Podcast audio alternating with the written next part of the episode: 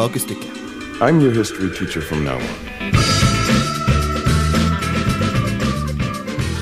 Andreas Hatzel Opsvik, vet du hva de fem første elektroniske husholdningshjelpemidlene var for noe? Det vet jeg, og det skal du få høre mer om seinere i denne episoden av Gul kakestykke, som handler om leketøy. Leketøy, det dere kjære lyttere ville ha, det får dere. Vi er slaver for deres vilje her i Gult kakestykke. Som det er grunnen til at vi skal ta Vi tar selvsagt det, Vi tar små ting fra absolutt hele spekteret, så vi tar leketøy for barn. Og vi tar leketøy for voksne. Ja, uh, Leketøy for voksne har du sett på, din grisegutt. Mens uh, vi har sendt uh, Ingvild ut i felten for et intervju. Og det skal vi få høre mer av litt senere i sendinga. Mitt navn er Johan Dalen. Og jeg er Andreas Satslopsvik. Og vi starter med ukas låt her på Studentradioen i Bergen, vi. Det er Rebecca and Fiona, 'If She Was Away'. If she was away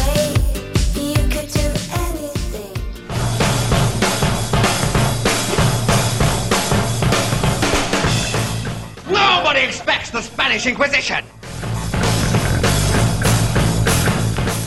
Gult kakestykke er alltid beredt. Eh, det er litt løgn, for jeg er faktisk ikke alltid beredt på det dere eh, to andre her i programmet finner på. Jeg kan rett og slett ikke gi dere for løse tøyler. Vi har jo ikke vært på lufta så lenge, men eh, jeg har merka det som sjef for dere. Dere må rett og slett holdes litt i bånd, for du Andreas, du syns ikke at leker for barn er noe gøy å prate om det? jo, jeg syns det er gøy, men jeg syns jeg, jeg skal liksom Når vi har et såpass vagt tema, så må jeg kunne strekke strikken så langt som jeg jeg overhodet kunne. Så da valgte jeg seks leketøy. Og rett og slett ta, ta, ta, historien til vibratoren. Ja, altså, det, Min første innskytelse er jo at man vil ta noe som uh, man husker fra barndommen. da Lego, uh, Barbie-dokka, uh, Playmo, uh, modelljernbane, liksom. Kjedelig. Uh, Sexleketøy. Nei, jeg, jeg, skal ikke si at jeg husker det fra jeg var barn. Jeg har nok ikke Jeg håper virkelig ikke at, at, det er noe barndomstrauma du har tenkt å Nei, presentere Vi skal heller ta bevege oss inn på barndomstraumene dine litt etterpå, Johan. Men, eh, ikke relatert til sexleketøy for øvrig. ja, ja, det, men eh, jeg, jeg syns i hvert fall det var, det var morsomst å ta det litt, eh, noe litt sprekt, da. Ja. Og derfor så skal vi se på vibratorens historie. Og det var vel litt derfor vi prata om uh, fem av de første uh, elektroniske husholdningshjelpemidlene også, var det ikke? Absolutt. Det får du med deg uh, nå straks. Det er mange ting som opp gjennom tidene har blitt gjort i vitenskapens navn. Der innefatter bl.a. horrible ugjerninger og storslåtte eksperiment, men òg ting som etter hvert har blitt litt mer hverdagslig.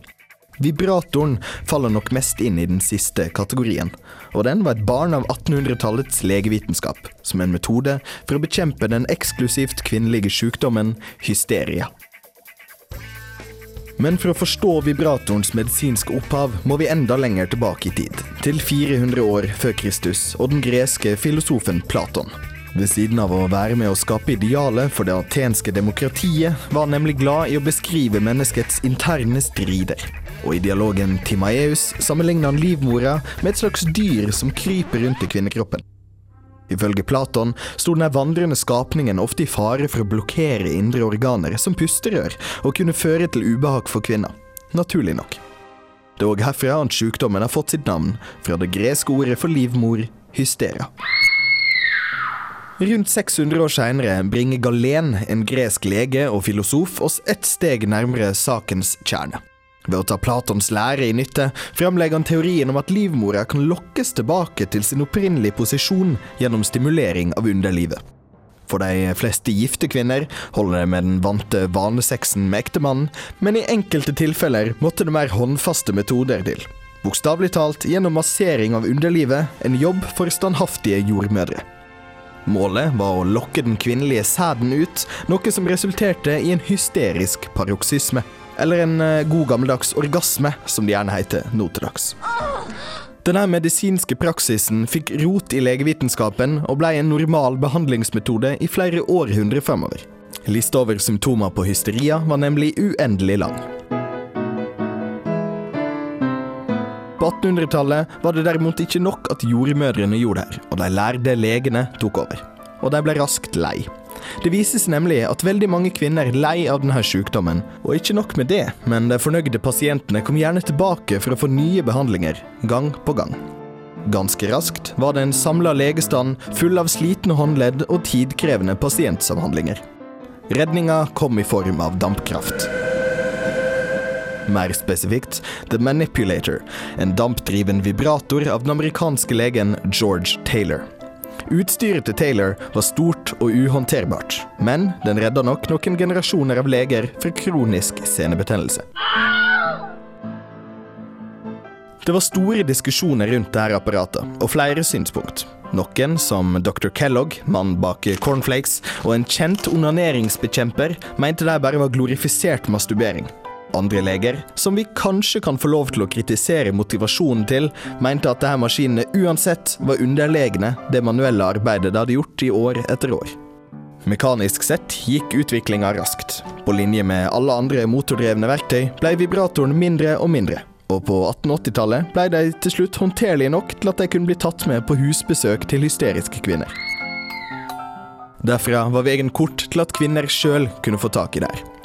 I 1902 patenterte selskapet Hamilton Beach det første vibratoren for dagligvaresalg. Noe som faktisk gjør vibratoren til det femte elektriske husholdningsapparatet for heimebruk, etter symaskiner, vifta, tekokeren og brødristeren, men minst et tiår før støvsugeren og strykejernet.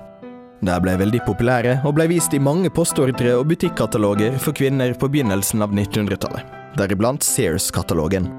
Men etter hvert som vibratoren fikk sitt inntog i pornografien på 1920-tallet, forsvant de raskt fra den dagligdagse markedet, og blei noe en holdt innenfor husets fire vegger. Ikke før 60-tallet dukka det opp igjen, og da spesifikt som sexleketøy. Borte var hysteriaen som diagnosesekk, og vibratoren var kun noe for nytelsens og leikens del, og ikke som løsning på et eller annet vagt problem. En vil fremdeles ikke finne vibratorer i Sears-katalogen, men at den har tatt steget ut av symptomhelvete og inn i den lune, gode varmen, er det ingen tvil om.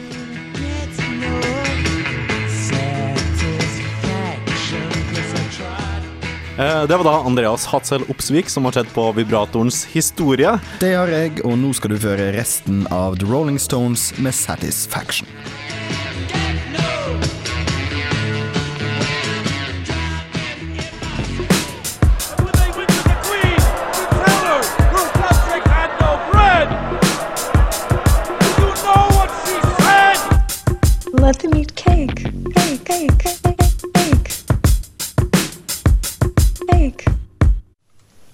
Nonsense. I would never say that. Ja, som vi sa eh, i stad, Johan, så skulle vi inn på liksom barndomsbekjennelsene litt etterpå, og det er da nå vi er kommet til det punktet. For du er jo et miljøskada eh, lite barn i en mannekropp, eh, Johan.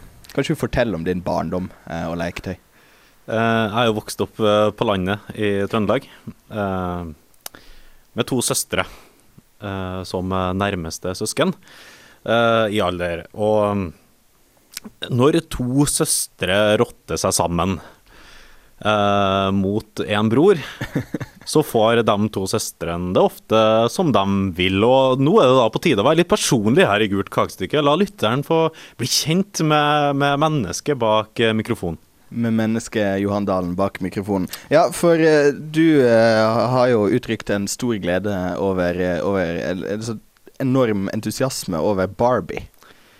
Eller eh, Jeg har nok leka litt mer med Barbie enn det som er normalt øh, og slash eller sunt for en gutt. Eh, med to søstre så har det blitt en naturlig del av det å vokse opp, og Barbie det er jo gigantisk på verdensbasis, ikke bare i Norge. Eh, det kan vel du skrive under på. Du har jo vært, vært på Barbie-museum. Jeg eh, tok det var, det var en tilfeldighet. Vi gikk, og så plutselig så eh, gikk jeg sammen med samboeren min i Praha. Og så ser hun inn i et hjørne på et hus, og så bare sånn Barbie-museum! Da var det Barbie var 50 år, og de feirer Og det, var jo da jeg først, for første gang fikk sett hvor, hvor bredt det egentlig går. Hvor mye rart. For jeg er jo ikke Jeg er jo enebarn og gutt, eh, i tilfelle du ikke har lagt merke til det. Eh, så det var jo ikke før da jeg fant ut at Barbie har hatt Star Wars-Barbie. Nei, for s- Og det er jo bare en liten del av det. Første Barbie-dokka ble jo produsert i 1959 av leketøysfirmaet Mattel. Eh, og etter det så har det jo bare balla på seg, og tydeligvis vært innom franchiser som Star Wars. Star Wars, og det er masse, type sånn alle mulige typer popartister. Du har uh, selvsagt Marilyn Monroe, eh, åpenbart. Historiske personligheter som eh, dronning eh, Victoria, dronning eh, Elisabeth. Jeg mener jeg så en Albert Einstein eh, på museet jeg var på. Han så fryktelig malplassert ut. Han så veldig redd ut. Han sto midt blant sånn tre brudekjolebarbier. Så sånn fryktelig, fryktelig redd ut. Eh, Hvorfor kom det ikke en Albert Einstein Action Man i stedet for? Ja, ja, nettopp. Han har vært sånn eh, Nuclear Man eller et eller annet sånt. Det har vært mye kulere. Superhelten Albert Einstein. Superhelten Albert Einstein. Men altså, det var uh, Ruth Handler som, uh, som kom opp med ideen om uh, Barbie-dokka. Man kan jo trygt si at det har vært en suksess, med 100 millioner solgte dokker på verdensbasis. 100 millioner, Andreas! Ja, det er flere enn jeg har legobrikker, det. Eh, for oss som lekte med ordentlige leketøy uh, når vi var yngre. Å nei, å nei vi, sk vi skulle ikke gå dit. Beklager. Beklager. Nei, men altså, eh, For å sette det litt i perspektiv, da, så er jo det 20 ganger Norges befolkning i dag. Antall barbiedokker som er produsert og solgt over hele verden. Mm. Eh, og det, det viser jo ikke noe tegn på å, på å være noen nedgang i det heller, for de øker jo omsetninga hvert eneste år. Ja. Og, og Barbie-dokkene kommer nok til å være like relevant den dagen vi eventuelt eh, får barn, som da vi var små. Jeg smigra, Johan, men jeg hadde ikke tenkt å få barn med deg med det første. Men eh, det er veldig riktig, og, det, du ser jo det òg på utviklingen det har hatt. Altså Det er en stor forskjell på eh, Barbie fra eh, 50-tallet til sånn det er nå. 50-tallet var det litt sånn eh, mørkhåra, tynn eh, bikinimodell, og, eh, som på en måte var en dame eh, på et kjøkken. Nå eh, har jeg sett, eh, I have googled it, and it exists, en, en computer engineer Barbie. Så det appellerer nok litt mer til, til min side av, av, av greiene, kanskje, enn en, nødvendigvis uh, 50-talls uh, holde seg på kjøkkenet Barbie. Vi kan jo runde av med en uh, liten fun fact uh, her på bekjennelsessegmentet i programmet. For Barbie, det er jo ikke Barbie-dokkas ekte navn. Eh, Barbies eh, fulle navn er faktisk Barbara Millicent Roberts. Ikke like catchy som Barbie. Nei, jeg skjønner, hva- skjønner hvorfor det, jeg skjønner hvorfor det tok eh, Barbie i stedet. Og kjæresten til Barbie heter jo Ken, har gjort det i alle år. Vet du hva etternavnet til Ken er? jeg ville jo ha tippa Roberts, men det er tydeligvis ikke gift. De er, de er ikke gift, de er bare kjærester eller samboere. Hva vet vi? Ken heter Ken Carson. Veldig Carson. amerikansk. Veldig amerikansk. Det er ikke så Eh, veldig merkelig. Uh, Casio Kids er ikke veldig amerikansk. De er fra Bergen, og de synger at det haster.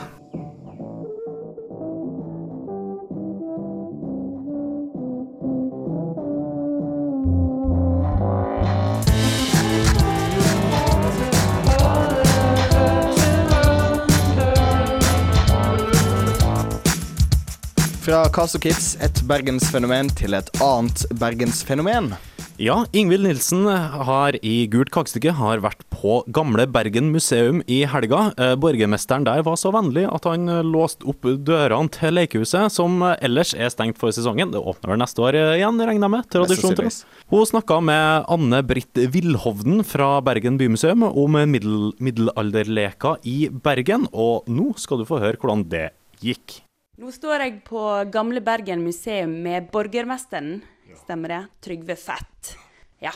Og nå har han vist meg inn til uh, leketøyskammeret. Er det lov å kalle det det? Ja, det er vel et helt leketøyhus, egentlig. Leketøyhuset var repslagersbygning på 1700- og 1800-tallet. Men repslageren og hans familie har for lengst flytta ut. Og i deres stad har bl.a. store kvantum av dukker, soldater, indianere, tog og biler flytta inn.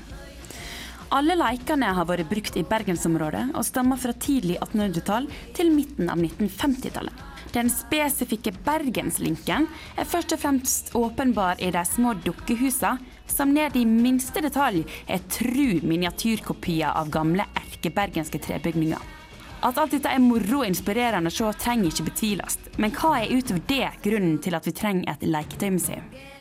Ja, det er jo nettopp fordi at ikke minst i forhold til dagens ungers lek med digitale medier, så er det klart at det er veldig viktig å vise at fortidens unger også hadde noe å leke med lenge, lenge, lenge før den digitale tidsalder, og at det kanskje også utviklet dem på andre måter, men i minst like stor grad.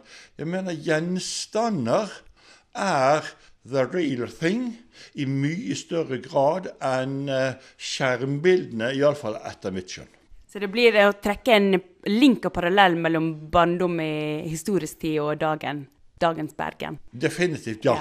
Og at man da har alle disse eh, lekene der latt, gir jo nettopp den føringen tilbake, de trådene tilbake til fortiden, som faktisk og dette er, syns jeg, er veldig viktig. Helt nødvendig for at man skal kunne utruste seg for fremtiden. Å utruste seg for fremtida er noe barn må gjøre til alle tider. Men i dag er ikke prinsippene for hva det vil si å utruste seg helt de samme. Fett forklarer at jenter skulle bli utrusta til heimekoselige inneaktiviteter som å passe barn, medan det var meninga at guttene skulle utfolde seg ute i naturen. Agendaen bak å sende guttene ut var ikke bare far- og husbondutrustningsprinsippet, men også den tradisjonelle tankegangen med at gutter bærer på mer energi, og derfor trenger større arealer å utfolde seg på. Samtidig kommer vi ikke fra at familiene bodde tett på hverandre, og det var derfor naturligvis fint å kunne sende guttene ut. Men hvordan var dette i middelalderen? Var middelalderbarna i Bergen mer likestilte i hermetegn enn deres etterkommere? Og hva lekte de med? Anne-Britt Wihovden fra Bergen bymuseum forteller. De lekte med ting som unger eh, iallfall lekte med fram til dataalderen kom. Nemlig små trebåter og små tredukker. Bitte små lekekarer forskjellig slag. Baller som er lagd av skinn og fylt med mose. Og ikke minst om vinteren så hadde de islegger. Ja, hva er det for noe? Det er rett og slett et kraftig kjøttbein som er eh, renska og slipt glatt under, og så du kan surre fast under skoen, og så kan du gli på isen på det.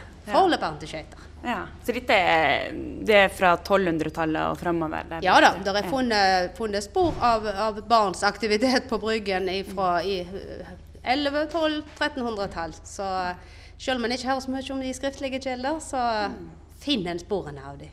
Vet vi om- om det var forskjell på jente- og gutteleker på den tida? Det var det nok sikkert. Og det kan vel være at dukkene var mest for jenter, og, og de små dolkene og sverdene som jeg nå har funnet, var mest for gutter. Dessuten så er det vel grunn til å tro at eh, unger allerede fra tidlig tid da lærte seg de rollene de senere skulle gå inn i. Kjønnsrollene i leiken var med andre ord allerede sett i middelalderen. Så den største forskjellen fra middelalderleiker og 1800-tallsleiker er først og fremst hva materiale de er laga av. For å da oppsummere og for å få sitere Fett en siste gang, så håper jeg og andre historikere med meg at vi vil holde fram med å leke med håndfaste leker av godt materiale som holder seg til historikere som kommer etter oss i tidene framover. Er det studentradioen? Superdupert. En halvtime flyg av sted som eh, ingenting, og vi er straks ferdig i Gult kakestykke for denne gangen. Og denne uka har vi hatt om leketøy, og vi har tatt leketøy både for, eh, jeg vil si for, eh, for barn, som vi nettopp hørte, med eh, Bergen, hva bergensbarn har lekt med. Og vi har hørt hva voksne barn har lekt med litt opp gjennom tidene. I tillegg så har vi hatt diverse personlige bekjennelser om leketøy. Neste ukes tema er klart. Det er klart. Og det, vart, eh, det sto altså mellom sykdommer og idrettsritualer. Og vinneren, det ble sykdommer. Ja, for det er åpenbart at eh, sportsritualer ikke var spennende nok. Så da gikk Det var ganske jevnt, så ja, det var ikke spennende nok. Oh, Så vi gikk for, vi, gikk for vi, vi skal se om vi finner noen interessante sykdommer. Men det er veldig fint at vi får innspill fra dere lytterne. Vi legger ut nettsaker jevnlig på srib.no. Dere kan også følge oss på Twitter at Gult kakestykke og Gult kakestykke på Facebook. Og komme med innspill til programmet vårt og ideer og ting dere vil ha med. Eh, Besøk også hjemmesida til studentradioen srib.no for generell informasjon om studentradioen og andre programmene våre. For eh, like etter oss kommer et annet program, ikke overraskende. Da skal du føre høre Grenseland, som skal snakke litt om eh, ja, aktuelle hendinger, og med litt sånn humor og sånn. Ja, eh, Sosiale konvensjoner skal utforskes og bereies ut om. Eh, mitt navn er Johan Dalen. Jeg har vært Andreas Satslopsvik. Ingvild Nilsen har ikke vært i studio i dag, men hun ga oss et veldig fint intervju med folkene på Ber Gamle Bergen museum og leketøyshuset der. Vi avslutter uh, sendinga i dag med nok en eh, bergensgruppe, bergenske sangfuglene, i Machine Birds. Her får du Time. Ha det bra. Ha det bra.